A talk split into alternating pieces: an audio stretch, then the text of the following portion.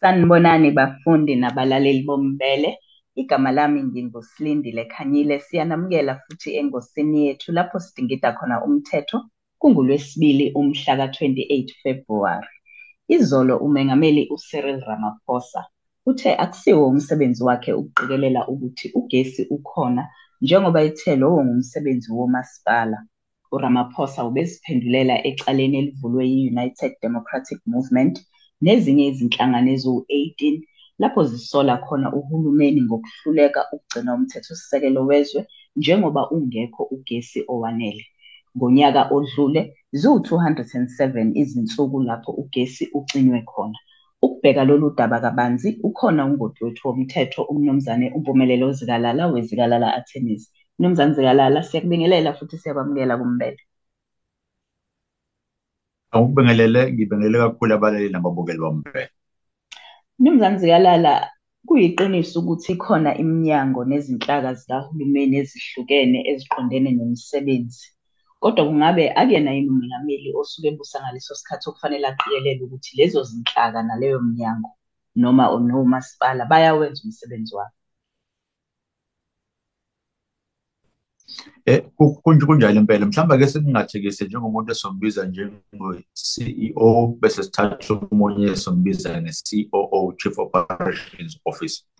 Yebo kungenzeka ukuthi umsebenzi omningi osuke uzongena ukusebenza kwey'nhlaka ey'suke y'khona lapha lepo nkampanini izofola under u-COO but u-CEO uyena othatha the ultimate responsibility. nokuyena afuna aqiniseke ukuthi izinto zihamba ngohlelo nopresident unjalo-ke and okwethu kuhle kakhulu ngoba uma sobheka lapha kwi-constitution yethu to section 85 mangingaphazami ukhuluma ngento esibiza nge-executive authority of a republic meaning uyena muntu onamandla okuthatha iy'nqumo jikelele ngendlela izinto ekufanele ngabe yisebenza ngayo. Yiko phela sibuya kuba upresident ozosho ukuthi umuphi ungqongqoshe uzoya komuphi umnyango abe siyacela ukuthi ngicela ningitshele nami nokuthi nizosebenza kanjani. Yiko sinanomnyango we-monitoring and evaluation ongaphansi kwakhe osuke kade ukuthi izinto zisebenza kahle okuchaza ukuthi ekugcineni kosuku ukusebenza kahle nokusebenza kwakabi. Kwakuma noma umuphi umnyango ekugcineni umuntu okumele aphendule upresident ngendlela upresident ne-constitution yethu esho ngaso uyaphazama upresident imetha kona umsebenzi wakhe. Umsebenzi wakhe impela uqiniseka ukuthi abantu abafake ey'khundleni bayakwazi ukuthi bahlinzeke umsebenzi bakwazi ukuthi basinikeze ugesi ngendlela efanele ngabasinikeza ngayo iy'nkinga abanazo sokuyibona abazoyibona bayisolva kanjani but ekusebenzeni kuka-escom nekuprovideni kukagesi at the end of the day upresident umuntu osuke enikezwe lowo msebenzi ukuthi akaqiniseke ukuthi zonke izinto zihamba ngohlelo Omunye umuntu uzothi bekufanele uRamaphosa aphendule enkantolo futhi bekufanele alandele umthetho unjengoba unjalo. Eh futhi uma ngabe sihambisa ngokomthetho akukho olubi noma alonile. Ungabe mhlawumbe ikhona yini enye indlela emthethweni umengameli abengaphendula ngayo alandele umthetho kodwa futhi ebe ekhumba ukuthi abantu baseNingizimu Afrika babheke yena. ikhona indlela noma ngibeke kanje akuzona zonke izinto ezogcina kufanele ngabe ziye enkantolo ukuze sithole isixazululo ikhona into ekuthiwa i-mediation la sihlala phansi khona sixoxisana sibone ukuthi izinto singayilungisa kanjani siyakwazi ukuthi sikwenze lokho bese sithi hayi eh asikho isidingo sokuthi silo ngoba into esiyifunayo sifuna inqubekela phambili sobabili sifuna ukuthi izinto zihambe ngohlelo. Akube indlela kube khona indlela soxoxisana ngayo besekuphelile bebengayenza nala. Sikhumbula ukuthi nakhona before bahamba baye enkantolo ziningi iy'ncwadi ey'suke sey'bhaliwe la kuthiwa khona awu umongameli saze sasha sicela usisize la sicela i-intervention yakho noma ukungenelela kwakho kule zinto esikhuluma ngazo.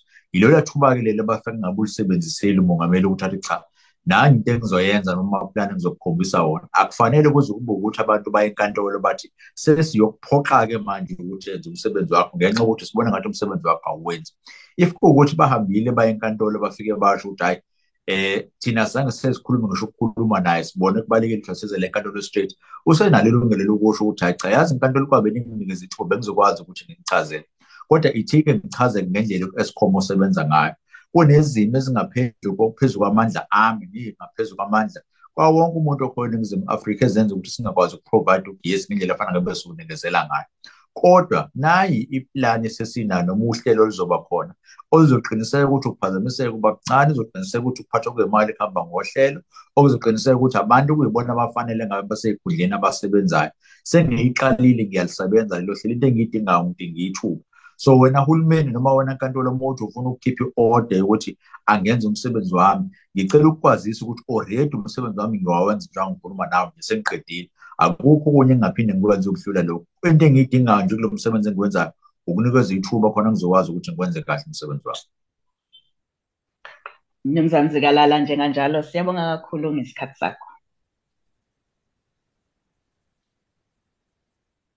Ubonga mina kakhulu nibe nosuku oluhle.